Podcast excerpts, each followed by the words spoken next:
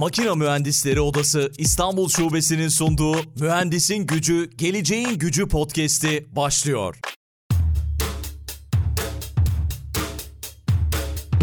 Makine Mühendisleri Odası İstanbul Şubesi'nin sunduğu Mühendisin Gücü, Geleceğin Gücü podcast'ine hepiniz bir kez daha hoş geldiniz. Mühendisin Gücü, Geleceğin Gücü podcast'i, Türkiye'den ve dünyadan başarılara imza atan mühendislerin hikayelerinin anlatıldığı, onların gözünden geleceğin gücünü oluşturmada mühendisin gücünün ne kadar önemli olduğunu aktaran bir podcast serisidir. Mühendislik mesleğine yön veren en güçlü meslek örgütlerinden biri olma vizyonuyla 67 yıllık tecrübesini birleştiren Makine Mühendisleri Odası İstanbul Şubesi 30 bini aşkın etkin üyesiyle çözümler üreten bir oda konumundadır. Mesleki hakları savunan ve meslek değerlerini koruyan birimleri, sertifikasyon ve yetkilendirme kursları, mesleki gelişimi odağına almış yönetimiyle sürekli olarak meslektaşlarının yanında ve bu sorumluluğun bilincinde olan onların her alanda etkin bir sesi olarak görev yapan güçlü bir meslek örgütüdür. İşte bu podcast'te ben Aykut Balcı moderatörlüğünde hepimizin çok sevdiği bir meslek olan mühendisliği konuşacağız. Hazırsanız Mühendisin Gücü, Geleceğin Gücü podcast'i başlıyor. Bu bölümde British Columbia Üniversitesi'nde uzun zamandır akademisyen olarak görev yapan ve bugüne kadar sayısız ödül kazanmış, Kanada'da da yılın profesörü seçilmiş, takım tezgahları tasarımı, bilgisayar kontrolü, titreşimleri ve talaşlı imalat mekaniği konularında uzman, hikayesi de gerçekten çok değerli ve hepimize de örnek bir kişi olan Profesör Doktor Yusuf Altıntaş konuğumuz oluyor. Gerçekten çok değerli bir yayın olacak bizim için. Mühendisin Gücü, Geleceğin Gücü podcast'ine hoş geldiniz hocam. Teşekkürler. Nasılsınız hocam? İyisiniz umarım. Valla pandemiyle uğraşıyoruz. Evden çalışıyoruz herkes gibi. Araştırmalar birazcık yavaşladı o yüzden. Çünkü asistanlar da evden çalışıyor. Sadece deneyler için laboratuvara gitmek zorundalar. Ama bu günler geçecek. Tek dileğimiz bu hayatın normalleşmesini bekliyoruz. Ama tabii ki bir yandan da pandeminin getirdiği bir takım yenilikler var. Onlardan da bahsedeceğiz. Hani önümüzdeki günler içerisinde bize ne gibi katkılar sağladı bu dijital dönüşüm dediğimiz durum. Şu anda da siz Kanada'dasınız. Ben Almanya'dayım. Karşılıklı uzaktan sohbet gerçekleştirebiliyoruz. Hocam çok ilginç bir hayat hikayeniz var. Denizli'den Kanada'ya uzanan bir hikayeniz var. Aslında ben anlatacaktım size ama sizin ağzınızdan dinlemek gerçekten daha güzel olacak. Biraz kısaca hikayenizi dinleyerek başlamak isteriz açıkçası. Yalnız burada bir problem var. Acaba dinleyiciler Denizlice'yi anlar mı onu bilmem. Anlayabilirler herhalde. Olabilir. Ben 22 Şubat 54 doğumlu gösterilmişim ama aslında 50 yaşında öğrendim doğum günümü. 15 Aralık 1953'te doğmuşum. Bekilli'de, Denizli'nin Bekilli nahiyesinde. İlkokul, ortaokulu orada bitirdim. Anam okuma yazma bilmiyor. Babam ilkokul mezunu. Bir sürü iş değiştirmiş ama son mesleği şarapçılıktı. Yani hı hı. Küp şaraplarının kurucusu babamdı. Şimdi kardeşim işletiyor. Kasabada o zamanlar lise olmadığı için vilayette tek lise Deniz Lisesi'ydi. Namı diğer koca mektep. 1968-71'de Deniz Lisesi'nde okudum. Bir yandan Pamukkale Dağ'da bir barakada çarapçılık yaptım tek başıma. O zamanlar durumlar öyleydi. Tek odada yerde yatıp yerde çalışıp kendi yemeğimizi yapardık. Yani çocukken yetişkin hale geldik hızlı bir şekilde. 1971'de İstanbul Teknik Üniversitesi'ni kazandım. Makine Fakültesini. O zamanlar e, İTÜ makina Türkiye'nin en yüksek puanlarıyla öğrenci alıyordu. Benim zamanımda ise iki kademede girdik sınava. Önce e, üniversite giriş sınavı, arkasından bir gün 4 saat matematik, bir gün 4 saat fizik kimya klasik usulle bizi seçtiler. Ondan sonra da o devir kapandı. Bir daha yapmadılar. En son karamboldan ben girdim. Ve benim sınıfta Türkiye'nin ilk onu benim sınıftaydı. Ben aralarında değildim tabii. Ben şaşırmıştım. Nasıl kazanabildim böyle bir yer falan diye. 75'te bitirdim. İngiltere'ye gittim. Biraz İngilizce Manchester'da tezgah diploması yaptım. Sonra Kırıkkale'de çalıştım bir sene. Kırıkkale Makine Kimya Top Fabrikası'nın tezgah atölyesinde çalıştım. Sonra tesadüfen bir arkadaşım Amerika ve Kanada'ya master için başvuru, başvuruyordu. Kanada'ya başvurmadı. Formları masada bıraktı. İki formu doldurdum. Bir tanesinden bana burs çıktı. 15 Ağustos 1978'de 5 Eylül'de evlenecek. 1 Ekim'de askere gidecek. Uçak mühendisi olduğum için bize zorunluydu. Kısa devre yasaktı. Hızlıca 5 Eylül'de düğünü yaptık. 6 Eylül'de trenle Pamukkale Express'le İstanbul'a. Oradan otobüsle ayakta Tekirdağ'a. Çünkü uçak bilet alacak paramız yoktu Avrupa'ya kadar. Tekirdağ'dan kuzenimin arabasıyla işçiydi o Paris'te.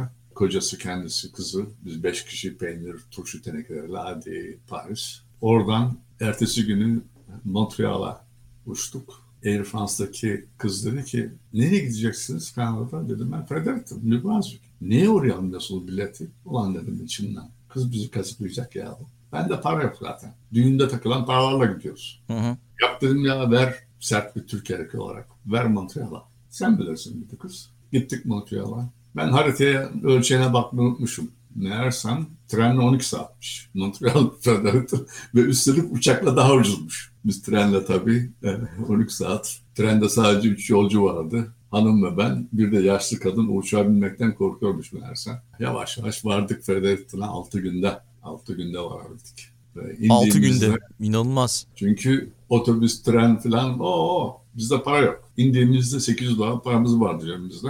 Birer bavul. Bir ormanın içinde durdu tren. Etrafta bir tane bayrak sallayan bir bekçiden başka kimse yok. Hanım başladı ağlamaya. Beni buraya bir telgrafla getirdin. Burada üniversite mi olur? Orman içinde kovboy filmlerini andıran bir baraka. Tren istasyonu. Öyle dikildik kaldık peronda. Kimse yok. Bir kız geldi 16-17 yaşlarında. Öğrenci misiniz dedi. Evet dedim ben. Ben dedi yabancı öğrenciler müdürü Dorin Kiz'in kızıyım. Annem dedi ki git aptalın birisi uçak yerine trenle gelir bir bak bakalım dedi. Onun için. Dedim, o aptal benim ya. çok memnun oldum tabii ben. Meğersem tren istasyonu şehrin dışındaymış. Şehir de çok büyük. Başkent. Nüfus 25 bin. 10 bini de öğrenci. Bu şekilde vardık Kanada'ya. İşte oradan master'ı 15 ayda bitirdim yoksulluktan dolayı. Çünkü Çalışmak zorunda mı kaldınız? Yok e, yani master yaparken e, zaten full time okuldasın. Dışarıda çalışmam yasak. Hı. Yabancı öğrencisin. Hanımın da çalışması yasak. Ayda 480 dolar okul parası, el parası, sigorta falan derken 85 dolar para kalıyordu cebimize. Onunla da ekmek, makarnadan, patatesten başka bir şey alamıyorduk. Can havliyle gece gündüz e, iki senelik master 15 ayda bitirdim. Sonra Montreal'da çalıştım. Bir sene uçak motor fabrikasında. Sonra Vaturlu'ya taşındık. Hanım Vatur'da master yaparken ben Hamilton'da Kanada Ketken Merkezi'nin baş mühendisini yaptım bir buçuk sene. Her gün dağlardan 66 kilometre tek gün araba kullandım. Karda, kışta. Okulu birincilikle bitirdiğim için master'ı bana özel burs çıktı. İstediğim yere götürebiliyordum dünyada doktora bursunu. McMaster'da o zamanların en iyi tezgah hocası dünyada. Çek asıllı Tlasti ile çalıştım. Çok zor bir adamdı. Çok kazık adamdı ama adam çok iyiydi yani. Hı hı. Yani dünyada tekti. Doktordan sonra buraya hoca olarak geldik. 86 yılının Temmuz'unda kazığı çaktık. O günden beri burada çalışıyoruz. İlk başladığımda üniversite 8, 8 bin dolar para verdi başlangıç parası.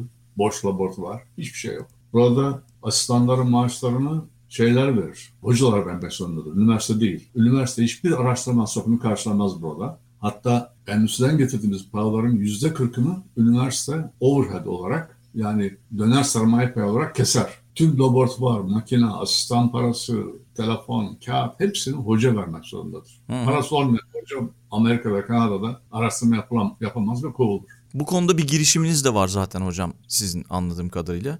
Bütün her şeyi oradan karşılıyorsunuz. Yok. Çünkü bu üniversite sistemi, şirketle alakası yok bunun. Hı. Hocanın Anladım. görevi TÜBİTAK karşılığı devlet kuruluşundan yarışmayla proje getirmek ve endüstriden proje getirmektir. Ve hakemli projeler getirmektir. Bu para üniversitenin, üniversitede hocanın hesabına yatırılır. Sadece hoca harcayabilir.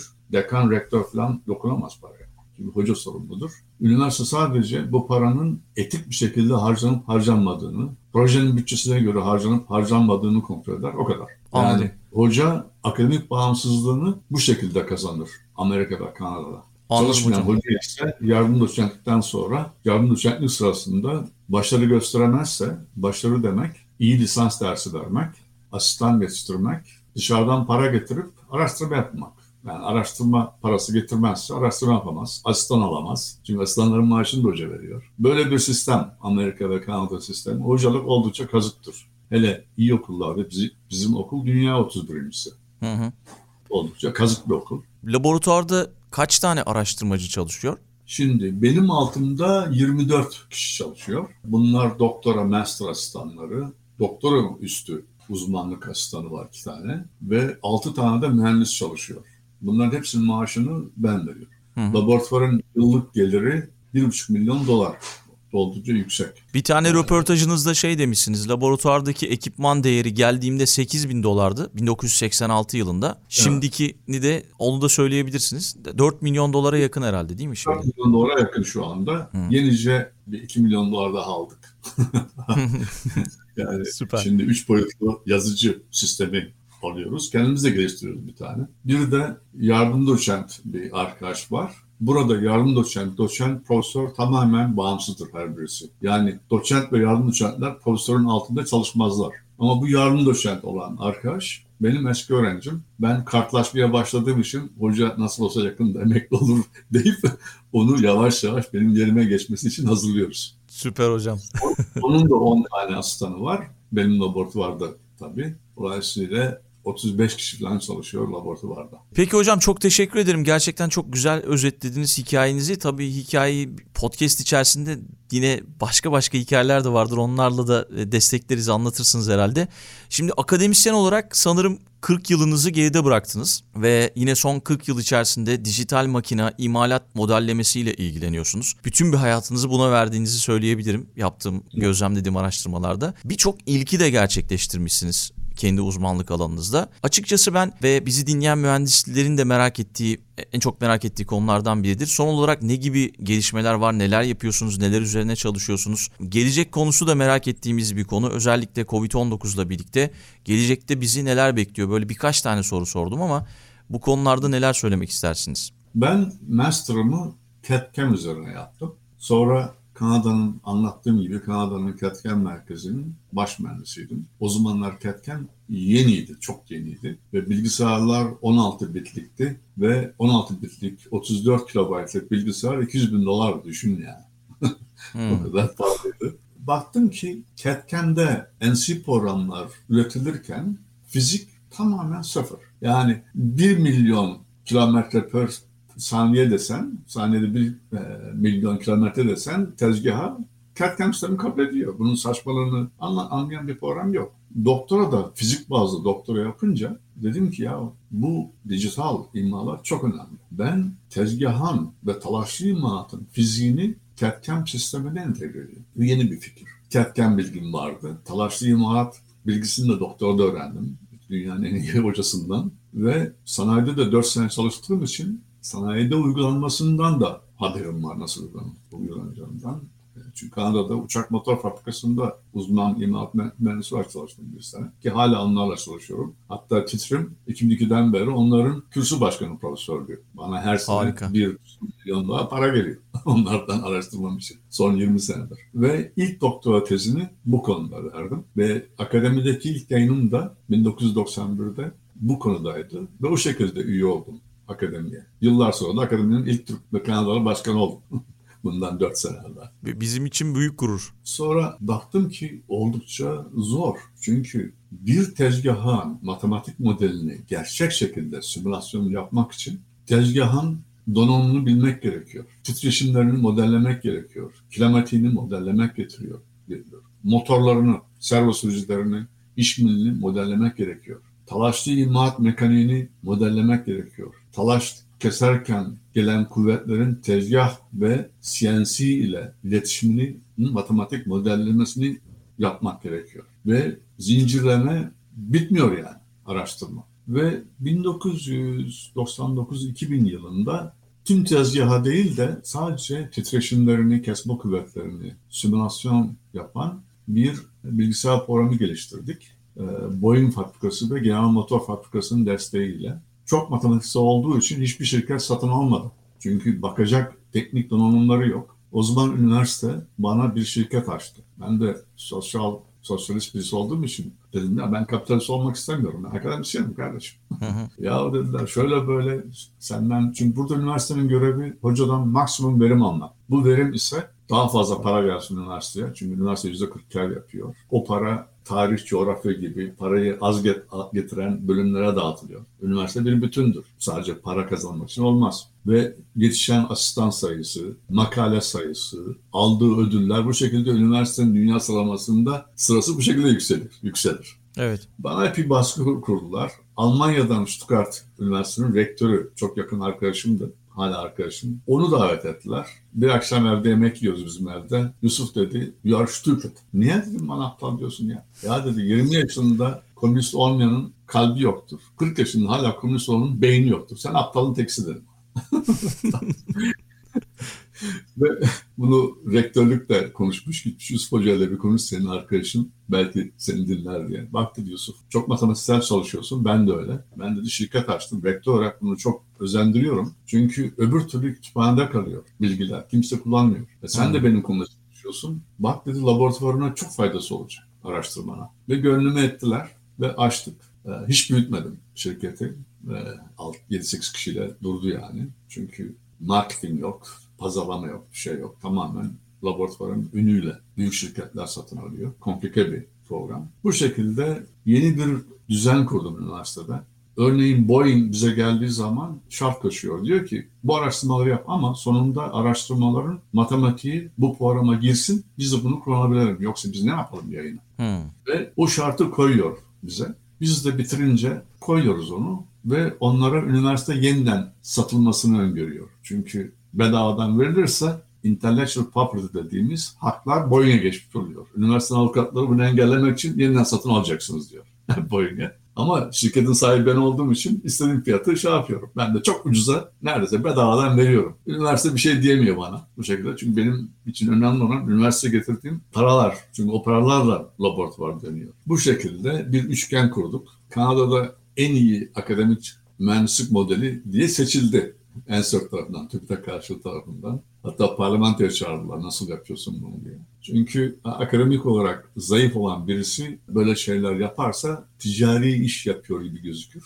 Hı hı. İyi, ben hoş karşılamam şahsen bir akademisyen olarak. Ama bizim laboratuvardan çıkan yayınlar imalat konusunda dünyada en fazla atıf alan laboratuvarız. Yani 30 bin, 31 bin kadar atıfımız var. Ha tam da onu söyleyecektim. En son ben baktığımda hangi yıl bu bilmiyorum ama 23 binde kalmışım. Demek ki 30 bin olmuş. 31 bin falan oldu Hı-hı. ve H indeksi 93. Yani şu anda imanat konusunda sanırım en fazla atıfı bizim bizim yayınlar alıyor dünyada. Bir de yetiştirdiğiniz doktora öğrencilerinin %70'i üniversitelerde şu anda e, akademisyen evet. olarak kariyerlerini sürdürüyorlar. Bunların çoğu da, da çok. tabii bu da çok yüksek bir rakam. Kanada, Amerika ve diğerleri de Türkiye'de, Avrupa'da, Asya'da gerçekten birçok bilim insanını da kazandırmışsınız hocam. O açıdan da yaptıklarınız şahane yani. Türkiye'de iki tane asistanım var. Çok ileride konularında. Birisi Sabancı'da Profesör Erhan Budak. Dünya çapında birisidir bizim konuda. Onun da epey vardır şey citation atıfı. Kendi yayınlarından da oldukça fazla şey yapıyor. Öbürüsü de Koç Üniversitesi'nde İsmail Lazoğlu. İkisi de akademi üyesi. Hatta Erhan şu anda bizim Division'ın bölümün başkanı akademide. Çok iyilerdir. Süper hocam. Kanada hocalarım var, şey, hoca öğrencilerim var. Yani hoca, hoca öğreten kart bir hoca olduk artık. Yok hocam olur mu? Hocaların hocası oldunuz diyelim o, o zaman. evet. Ona öyle diyorlar.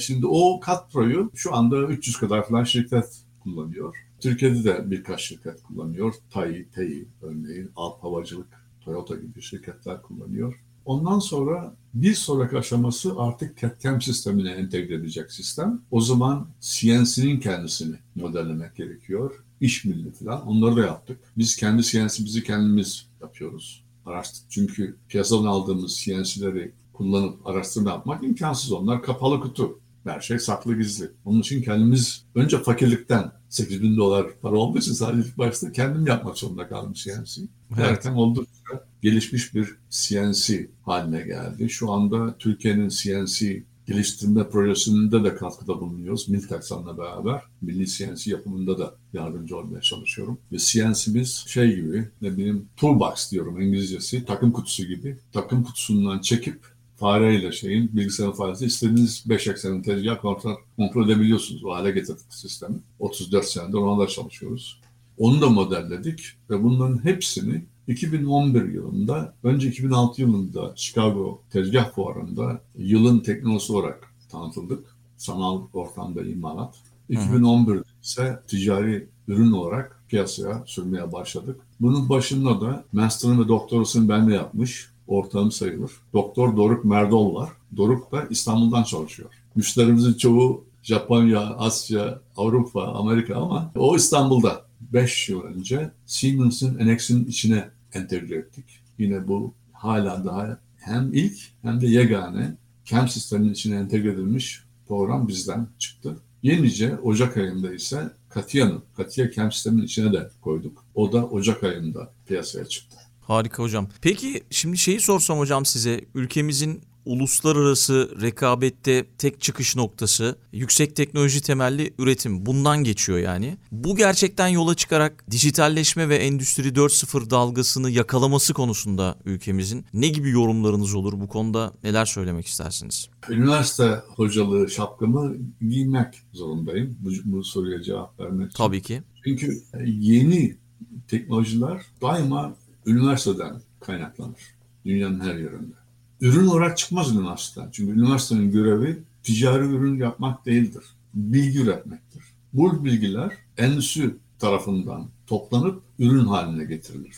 Üniversite ürün yapamaz. Dünyanın hiçbir yerinde üniversite bir fabrika gibi çalışamaz. Eşyanın tabiatına aykırıdır. Üniversite sadece bilgi üretir ve eleman üretir.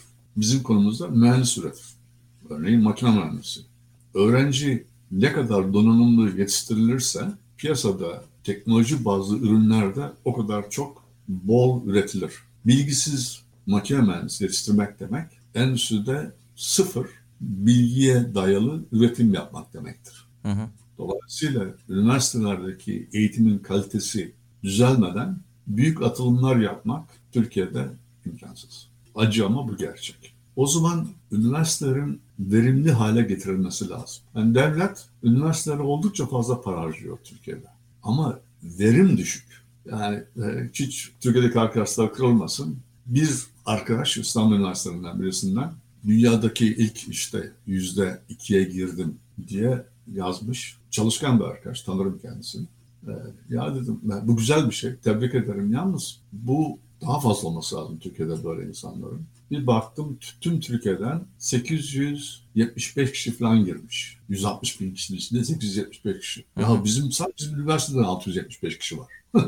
Tek üniversitede. Bizim üniversitenin nüfusu 4 milyon. Bizim bölümde yardım doçentler yani gençler hariç herkes o listede var. En fazla üye İstanbul Teknik Üniversitesi'nden sadece 45 kişi girmiş. ODTÜ gibi bir okuldan 22-23 kişi girebilmiş listeye. Bizim üniversiteden sadece 675 kişi tek üniversiteden. Yani bu acı bir gerçek. Çünkü bilgi üretme Türkiye'deki üniversitelerde zayıf. Bu da üniversite, bu kişilerde değil. Dedi ki genç arkadaş, ya hocam diyor bazı hocalarımız çalışmıyor filan. Peki aynı Türk insan buraya gelince neden fazla üretken oluyor? Bu sistem problem. Hı hı. Kişisel problem değil. Yani hocaların üstüne yıkı vermek bunu çok yanlış. Çok yanlış. Sistem insanları doğru yöne doğru iteler. Aynı sistem yanlış olursa yanlış tarafa doğru iteler. Yani enerji boşa gider. Türkiye'deki üniversite sistemi maalesef tepeden aşağı doğru emir komuta zincirine bağlanmış 12 Eylül'den sonra bir sistem. Bağımsız bir üniversite yapısı yok Türkiye'de. Dünyanın hiçbir yerinde Türkiye gibi bir üniversite sistemi yok. Çin dahil. Hı hı. Yani Komünist Partisi'nin hakim olduğu ülkede bile o türlü yok sistemi gibi bir şey yok. Yalnız Türkiye'deki akademisyenlerin en büyük yanlışı akademik özgürlük, özgürlüğü istediğimi yaparım demekle eşdeğer görüyor. Bu çok yanlış. Hoca istediğini yapamaz. Kazandığını yapabilir sadece. Halkın vergisini alıp ofisinin politik basın merkezi haline getiremez hoca. Burada getirirse hoca öğrenciler kapının önünde yığılır, protesto ederler. Hı hı. Değildir çünkü. Hocanın bağımsızlığı demek çalışarak kaynak yaratıp o kaynakları istediği doğrultuda, istediği araştırma doğrultusunda harcaması demektir. Her türlü siyasi, dini, ne fikrine sahip olmakta özgürdür. Ama bunu üniversitedeki öğrenciler arasında ayrımcılık halini, ayrımcılık olarak kullanmaya kalkışırsa dünyanın en özgür üniversitelerinden birisi olan bizim üniversitemizde atılır okuldan hemen. Çünkü etik değildir yapılan. İstediği gibi konuşabilir dışarıda ama ayrımcılık yapamaz kendi öğrenciler arasında. Ve kaynaklarını özel çıkarları için kullanamaz. Bu ben geçenlerde bir şey yazdım makale. Hatta hafta herkese bilim teknikte basıldı. Üniversite sistemi nasıl çalışıyor burada? Vektör seçimi problemleri oldukça oluyor. Evet aynen. Son dönemin popüler konular. Bir yazı yazdım bilgilendirici. Amerika ve Kanada nasıl oluyor diye. Politik tarafına girmeden işin. Çünkü o zaman bir taraf olmuş oluyorsun. Sadece nasıl çalışması gerekiyor sistemin. Türkiye'de üniversitelerin bağımsız olması lazım. Ken bağımsız olması lazım. Ve çalışan hocanın yükselebilmesi, üretmeyen, iyi üretemeyen hocanın da üniversiteden ilişkisi kesilmesi lazım. Bu olmadığı müddetçe kalite problemi olmaya devam edecektir Türkiye'de. Hı hı.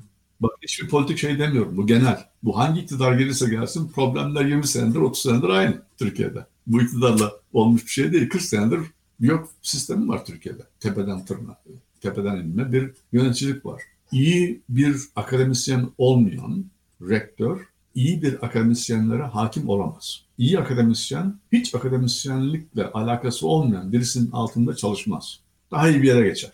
Doğru. Dolayısıyla eğitim sayıyla değil, üniversite sayısıyla değil, çıkan, eğitilen öğrencinin kalitesiyle ölçülmeli. Ve bu şekilde halktan toplanan vergi daha iyi kullanılır diye düşünüyorum. Örneğin bizim bölümde 6 tane, 7 tane okutman, 33 tane hoca var. Bunlar yardım doçent, doçent profesör falan, 33 tane falan. Bizim bölüme getirdiğimiz para toplam 6,5 milyon dolar araştırma parası getiriyoruz. 33 kişi. Hı hı. Ben kart olduğum için en fazla ben getiriyorum. 1,5 milyonu ben getiriyorum tek başıma ama şimdi e, ve bizim bütçemiz İstanbul Teknik Üniversitesi Makine Fakültesi'nin bütçesinden az. Hmm. Üretimimiz ise bilmiyorum kaç misli. Anlatabildim mi? Yani Onlarda var tane hoca. Olay bütçe de değil diyorsunuz yani. Değil. Bütçe de, olay bütçe değil. Hatta Türkiye'deki araştırma fonlarını kazanmak buradan çok daha kolay. Ama zaman zaman şöyle örnekler veriyorlar. İşte filanca üniversitenin bütçesi işte bizim toplam üniversitelerimizin bütçesine denk diye. Ama bu önemli değil anladığım kadarıyla. Hiç önemli Yok, değil. Kişi başına olan gider olarak düşünüyorum ben. Gider dediğim gibi İstanbul Teknolojisi Makine Fakültesi'nin bütçesi gideri bizimkinden fazla. Gider olarak anladım. O, o zaman bunu düşünmemiz gerekiyor hocam yani gerçekten hepimizin. Yani sayısı olarak değil. Ya biz şimdi üniversiteyi söylemeyeyim. Yabancı Avrupa kaynaklı bir üniversite var İstanbul'da. Selanik'te emekli olmuş bir hoca arkadaşım Yunanlı. O hocalık yapıyor İstanbul'da. Bana dert yandı ya Yusuf şu dedi eskiden dedi Türk öğrenciler çok iyiydi. Kendisi Almanya'da eğitim aldı. Bir öğrenci geldi, 3. sınıf öğrencisi. Ya hocam pi sayısı ne demek diye sormaya geldi. Pi. Eyvah. Yani makine mühendisi 3. sınıfa gelmiş. Çocuk pi sayısını bilmiyor. Bu bir özel bir üniversite. Şimdi buradan çıkan öğrenci ya yazık değil mi ya? Bu, ne yapabilir bu çocuk dışarıda? Öğrenciyi suçlamıyorum. Eğitim sistemini suçluyorum burada. Yani eğitimin sayıyla değil, nitelikle ölçülmesi lazım. Hı hı.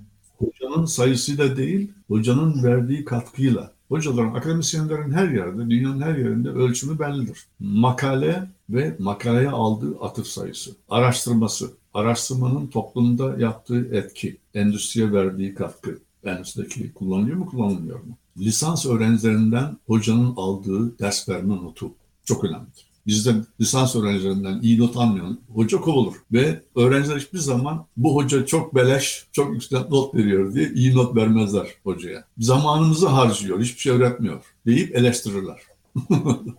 yani bu da ilkokuldan itibaren bu eğitim çocuklara verilir. Anladım. İşte onu biraz Türkiye'de yapmak hocam yani bir şey üretmiyorsa hoca onu üniversiteden kovmak gibi şeyler biraz Türkiye dinamiklerinde şu an için mümkün değil ama anladığım kadarıyla sizin de dediğiniz gibi o sistemi değiştirmemiz gerekiyor. Ama bunu Türkiye'de yapan yani bu sistemi kuran 3 tane özel üniversite var. Hmm. Bilkent, Koç ve Sabancı. Onlar yapıyorlar bu işi. Onun için onlar çok başarılı. Oradan çok daha ufak üniversite olmasına rağmen onların akademik üretimi oldukça iyi. Anladım. Peki hocam buradan geleceğin iş gücünden bahsedecek biraz. Yani geleceğin iş gücü değişecek. İşte okuyoruz, bakıyoruz. Endüstri 4.0'ın bileşenlerini konuşuyoruz. İşte toplum 5.0 geliyor. Bu yönde mühendislerin ne gibi yetkinlikleri kendilerine eklemelerini tavsiye edersiniz? Şimdi e, her mühendisliğin ayrı bir e, etkinliği var tabii. Makine mühendisleri bilgisayar mühendisi değil. Makine mühendisi. Makine mühendisinin temelini makine mühendisliği temel dersleri matematik, fizik, mukavemet, akışkanlar mekaniği, termodinamik, titreşim ve kontroldür. Hı hı. O kadar. Öbürleri daha çok bunların uygulamasına yöneliktir. Örneğin bir gaz türbini dersi alırsınız. Bu termodinamik ısı transferi, matematik, akışkanlar makinenin karışımıdır. Şimdi makine mühendisliğinde temel eğitimin çok iyi olması lazım. Ondan sonraki eğitim tamamen uygulamaya dönüktür. Buna bilgisayar, elektronik dahil. Makine mühendisleri elektronik mühendisleri değil, bilgisayar mühendisleri değil. Ama siz şu anda şu anda bilgisayardan konuşuyoruz. Bilgisayar kullanmayan makine mühendisi tahmin edilemez artık. Hı hı. Ve tüm makineler artık elektronik, sensör ve bilgisayarla kontrol ediliyor. Buna da biz mekatronik diyoruz. Ben mekatronik mühendisliğini kurdum bizim üniversite 1994'te. Oldukça başarılı. Çok seçme öğrenciler arıyoruz. Çünkü en zor girilen bölüm, opsiyon. Bu çocuklar makine mühendisliğinin temelini aldıkları gibi elektrik, elektronik mühendisliği ve bilgisayar mühendisliğinin temel üçer, dörder dersini de alıyorlar. Ve bıraktığımız zaman herhangi bir makineyi hızlıca dizayn edip donanımı, elektronik donanımını, sensörleri, bilgisayarını, programı hepsini yapabiliyorlar. Çok daha komplike software engineering, programcılık olursa bir bilgisayarcıya ne istediklerini ve nasıl yapılması gerektiğini anlatabiliyorlar o dönem. Bir elektrik mühendisine devrenin ne gibi görev yapması gerektiğini, neye ihtiyacı olduğunu anlatacak güçteler. Dolayısıyla yeni mühendislik, çağdaş mühendislikte mutlaka bilgisayar eğitimi şart. Elektronik eğitimi en azından temel elektronik şart. Bunlar gerekli. Tüm mühendislerde sadece makine mühendisliğinde değil. Ama her mühendisliğin temeli aynı zamanda çok sağlam olmalı. Dediğim gibi makine mühendisliğinin temel dersleri çok iyi öğretilmeli öğrenci. Geri kalan tamamen uygulama zaten. Bu çok önemli. Bir de uygulama çok önemli. Mühendisler ilk 3 e, senesinde neden matematik aldığını, neden mukavemet aldığını falan hiç anlamaz. Ya diyor der ki ben niye alıyorum bu ders? Öğrenciye o hissin verilmesi lazım ders verirken. Bu da ancak nasıl olur? Hoca akademik çalışmasını aynı zamanda topluma yarayışlı hale getirmek için uygulamalarıyla da uygulamaları ile de uğraşırsa öğrenci anlatabilir. Bakın şu diferansiyel denklemler mesela ben kontrol ders veriyorum. Doktor öğrencilere ve son sınıflara mekatronik sistem kontrolü. Sırf diferansiyel denklem. Matematik yani. Ve ben diferansiyel denklemi yazarken işte efendim x'in ikinci türevi demem. Tezgahın kütlesinden gelen ivmelenme kuvveti. Matematik yazarım ama onun ne olduğunu anlatır. Sürtünmeden gelen kuvvet kaybı. İşte hız, şeyin pozisyon türevi, hızla orantılı filan. Bu şekilde anlatırsanız öğrenci hızlıca matematikle fiziği yani uygulamasını görebilir. Bunun için ne gerekiyor? Hocanın bu işleri bilmesi gerekiyor. Hı hı. Örneğin Almanya'da imalat mühendisliği profesörleri hiçbir zaman endüstride 5 sene tecrübesi olmadan hoca olarak alınmazlar işe. Orada doçentlik, yardım doçentlik yoktur. Oo, bu çok bir, önemli bilgi hocam. Doktordan sonra en azından 5-10 sene bir şirketin ARGE'sinde önemli bir mevkide veya da müdür olarak çalışıyorsa direkt profesör olarak alınır üniversiteye. Şimdi kendi sistemimizi Kanada ve Amerika'yı eleştireyim. Benim 4 sene tecrübem var. O 4 sene tecrübem olmasaydı ben 8 bin dolarla başlayıp 4 milyon dolarlık. Çünkü epey aleti kendimiz yaptık biz. Yani Endüstriden tecrübeli olduğumuz için. Evet. O kabiliyetimiz var. O olmasa imkanı yok. Benim 4 senelik tecrübemi yok saydı üniversite. Harcanmış zaman olarak görüyorlar Amerika ve Kanada. Çünkü her üniversite sadece yayın sayısına bakıyor. Başka bir şey değil. O da bizim Kuzey Amerika'nın hatası. Dolayısıyla Almanya'da akademik olarak derinlik biz Amerika ve Kanada kadar değildir. Yani bilimsel olarak Amerika ve Kanada dünyada en fazla üreten yerlerdir. Ama endüstriye olan etkisi ise en yüksek yer Almanya. Onlar onun için makine makine mühendisliği en iyi yer Almanya'dır örneğin. Neden? Çünkü endüstride o kadar sayıda, çok sayıda doktoralı mühendis çalışıyor ki ki iyi doktorlu mühendisler yetiştiriyor Almanya. Ve onlar üniversitede nasıl çalışılacak, çalışılacağını da çok iyi biliyorlar. Ve devamlı yeni teknoloji üretiyorlar. Kanada maalesef Almanya kadar kuvvetli değil o konuda. Amerika fena değil. Amerika'daki şirketler de teknolojiye çok önem verdiği için çok fazla doktoralı uzman çalışır Amerikan şirketlerinde. Maalesef Kanada, Türkiye gibi yerlerde durum öyle değil. Almanya, Japonya bu konuda gayet iyi. Peki hocam bir kitap yayınlayacaksınız sanırım çok yakında. Bir iki ay içerisinde çıkacak herhalde. Kendi imkanlarınızla karşılıyorsunuz her şeyi ve gelirini de Çağdaş Yaşamı Destekleme Derneği'ne bağışlayacaksınız. Evet. Bu kitap ne hakkında olacak? E, kendi hayatınız hakkında mı olacak? Biraz bundan bahsedebilir misiniz? Temel motivasyonunuz ne oldu? Şimdi ben kitapsız bir adam değilim. Daha evvel kitap yazdım, Türkçe'de çevrildi. Bu akademik kitap. Doğru, akademik kitap. Evet. köyde yaşadığım için, köyde büyüdüğüm için, köyde tabii benim zamanımda televizyon yoktu Türkiye'de. Ben üniversite 3. Üç, sınıftaydım televizyon geldiğinde. Tek dalgalı radyo. Bu her, her evde de olmazdı. Gazeteyi, bir gazeteyi en azından 20 tane aile bölüşüyordu falan. Oyuncak sıfır, fakiriz. Herkes fakir. Ama halk bir şekilde daha sosyal iletişimle gününü gün ederdi. Bizim kasabada ise hikayeler bol, matrak hikayeler. Her sülalenin bir lakabı olur köyde ve ekstra gırgır şeyler anlatılır. İşte falancının babası, dedesi şöyle yaptı. Treni mesela Kırçılar sülalesi vardır Bekirli'de. Neden? Çünkü Seferberlikte yani Birinci Dünya Savaşı'nda ilk defa tren görmüşler. İki kuzen. Bir tanesi geçmiş trenle ürkütmek istemiş. Kıh demiş trene. Tren de korkmamış tabii. Amcaoğlusu geri çekmeseymiş adam gidecekmiş. Şimdi korkmaz soyadlar onları. Trenden korkmuyorlar yani. Böyle hikayeler. Ben bunları tabii köyde herkes bilir bu hikayeleri. Ben bunları kaleme almaya başladım. Atıf sayın bilimsel makalelerden daha fazla olmaya başladı okuyucu sayısı. Ben bunları kaleme aldım. Dediler sonra ortaokuldaki hocalarım çok iyi hocalardı. Ya Yusuf'cum hikayeler güzel de Bekirli'den sen senin hayatın da renkli. Sen bu hale nasıl geldin onu da anlat. İşte yaptığım aptallıkları gençken Şimdi de yapıyorum tabii ama gençken daha fazla. Onları falan hepsini kendimi kendime dal geçirekten yazdım. Akademik tarafını ise çok hızlı geçtim. Çünkü ben şöyle şeyler başardım falan demek birazcık e, ayıp geldi bana. Ekstra kendimle dalı geçirekten. Biraz evvel hani o aptal benim dediğim gibi hikayeler. Hı hı. Bir mühendisim İstanbul Teknik'ten mezun. Ulan ölçüye baksana. Kanada dünyanın ikinci büyük ülkesi. Haritadan bakınca tabii ölçüye dikkat etmezsen hemen yanında bir saatlik yer gibi gözüküyor. Böyle şeyleri kendi yaptığım saçmalıkları, köyden çıkınca şehre adapte olma şaşkınlıkları onları, onları yazdım. 345 sayfalık bir şey. 2013'te TÜBİTAK'tan o zamanın parası 25 bin dolar yani dolar daha iyiydi o zamanlar. Türk lirası daha iyiydi pardon aldığım 50 bin liralık ödülün hepsini, 150 lira da faiz edilmiş, o dahil hepsini ÇED'ye bağışlamıştım. Kasabadan, kendi köyümden çıkan fakir öğrencilere burs olarak. Gitti o para. Hı hı. 10 tane öğrenci yetişti. Şimdi bu kitabın da tüm basın masraflarını karşıladım. Bir ay içinde çıkacak. Satış gelirinin ise tamamen ÇED'ye başladı. Süper yani, hocam. Birazcık hikayem, birazcık kasabadan matrak hikayeler falan. Öyle bir şey.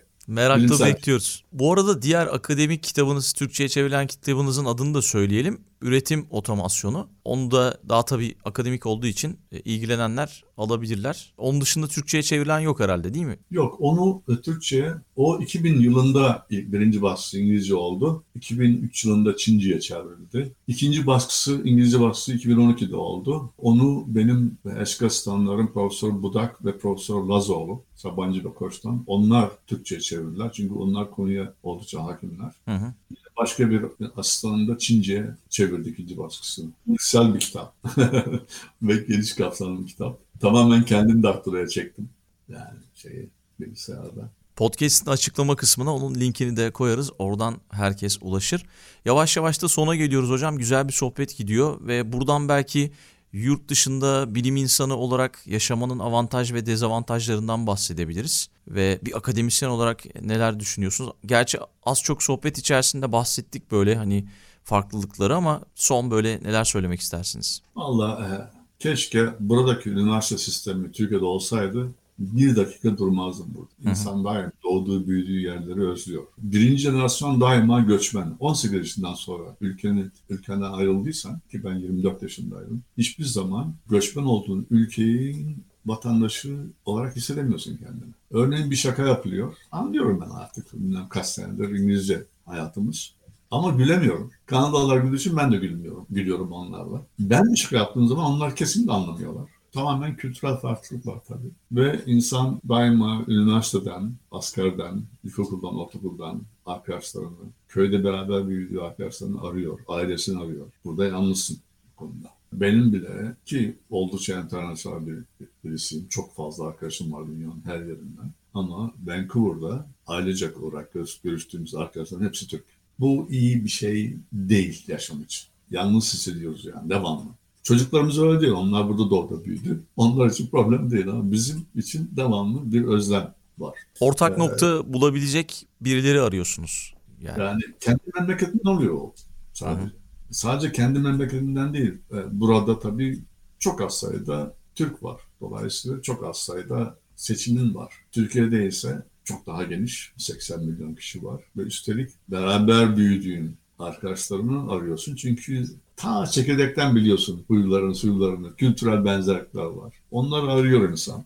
Memleketini özlüyor. Ki ben şanslı adamlardan birisiyim. İlk dört sene hiç gidemedim parasızdan ama hoca olduktan sonra, maaş almaya başladıktan sonra her sene gidiyordum Türkiye pandemi hariç. Bu önemli ama üniversite ortamı olarak tabii burada başarı göstermek çok daha zor. Türkiye Hazar Üniversitede. Çok çalışmak gerekiyor. Şartlar çok daha zor. Bir doçent olmak, bir profesör olmak çok daha kazık burada.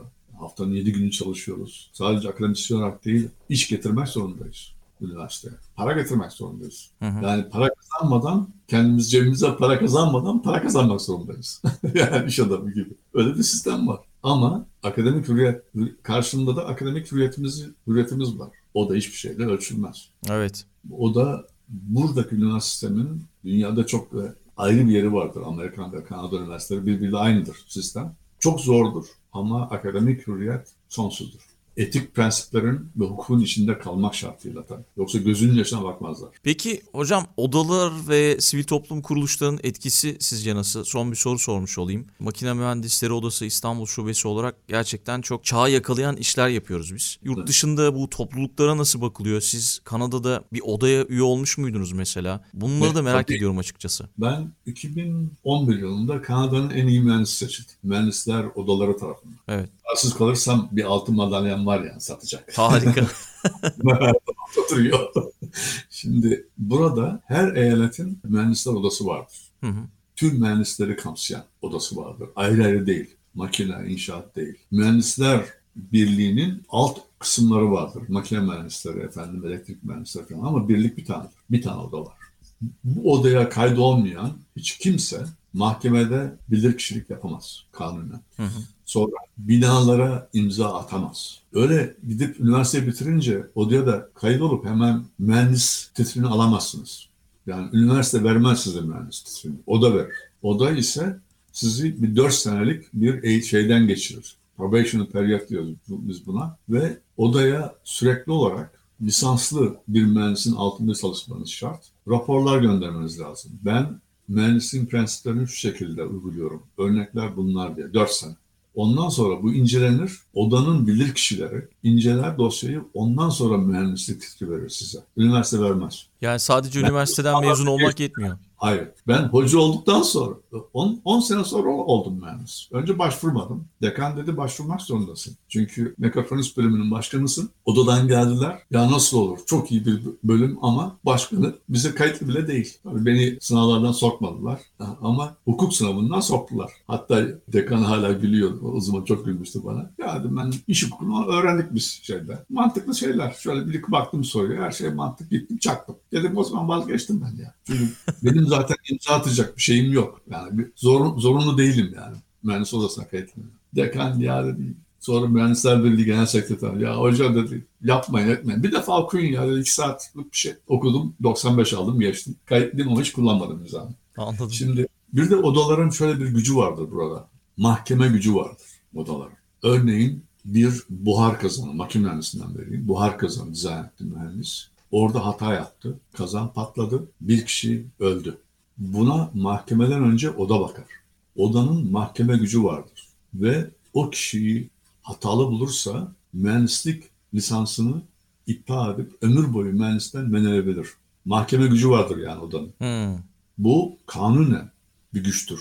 Yani hukuki bir gücü vardır. Bu odaların verdiği kararlara birisi gider mahkemede itiraz edebilir tabii. Ama yine odaya gider. Odanın bunca değişik bir komite, mahkeme bir boşluk bulduysa kararda ancak o zaman odaya der ki bir yeniden bakın. Ayrı bir komite kurun yeniden bakın. Son söz odanındır. Odalar çok güçlüdür.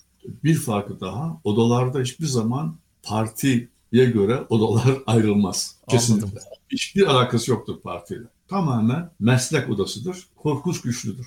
Ne diyorum? Yani kanun hükmünde karar verebilecek kadar güçlüdür odalar odaya kayıtlı olmayan hiç kimse insan hayatını etkileyecek bir projede çalışamaz, imza atamaz. Kanunen yasaktır. Harika. Peki hocam ben çok teşekkür ediyorum gerçekten size. Çok güzel bir sohbet oldu. Herkes çok yararlanacak. belki son sözleri alabiliriz. Ondan sonra da veda eder kapatırız. Makine mühendisliği ülkenin kalkınması açısından şu anda en önemli meslek olarak görüyorum. Tabii tüm mühendisler önemli ama makine, elektronik ve bilgisayar şu anda Türkiye için en elzem, en kritik mühendislik alanları. Neden derseniz Türkiye, örneğin kendi konumda söyleyeyim, Türkiye tezgahların çoğunu dışarıdan ithal ediyor. Türkiye'de CNC yapılmıyor. Servo sürücüler çok az sayıda yapılıyor ki bu teknolojinin beynidir. Ve bunu yapmak için de çok iyi makine mühendislerine, bilgisayar mühendislerine ve elektronik ve elektrik gücü yapan mühendislere ihtiyacımız var. Ancak bu şekilde makine sanayinde Türkiye ileri ülkelerin arasına katılabilir. Eğitimde, endüstrideki çalışmalarda çok önemli o konuda. Teşekkür ediyorum. Biz de size çok teşekkür ediyoruz hocam katıldığınız için. Çok değerliydi gerçekten tüm bilgiler. O zaman son ses şunu söyleyelim. Mühendisin gücü, geleceğin gücü diyoruz. Evet, aynı fikirde.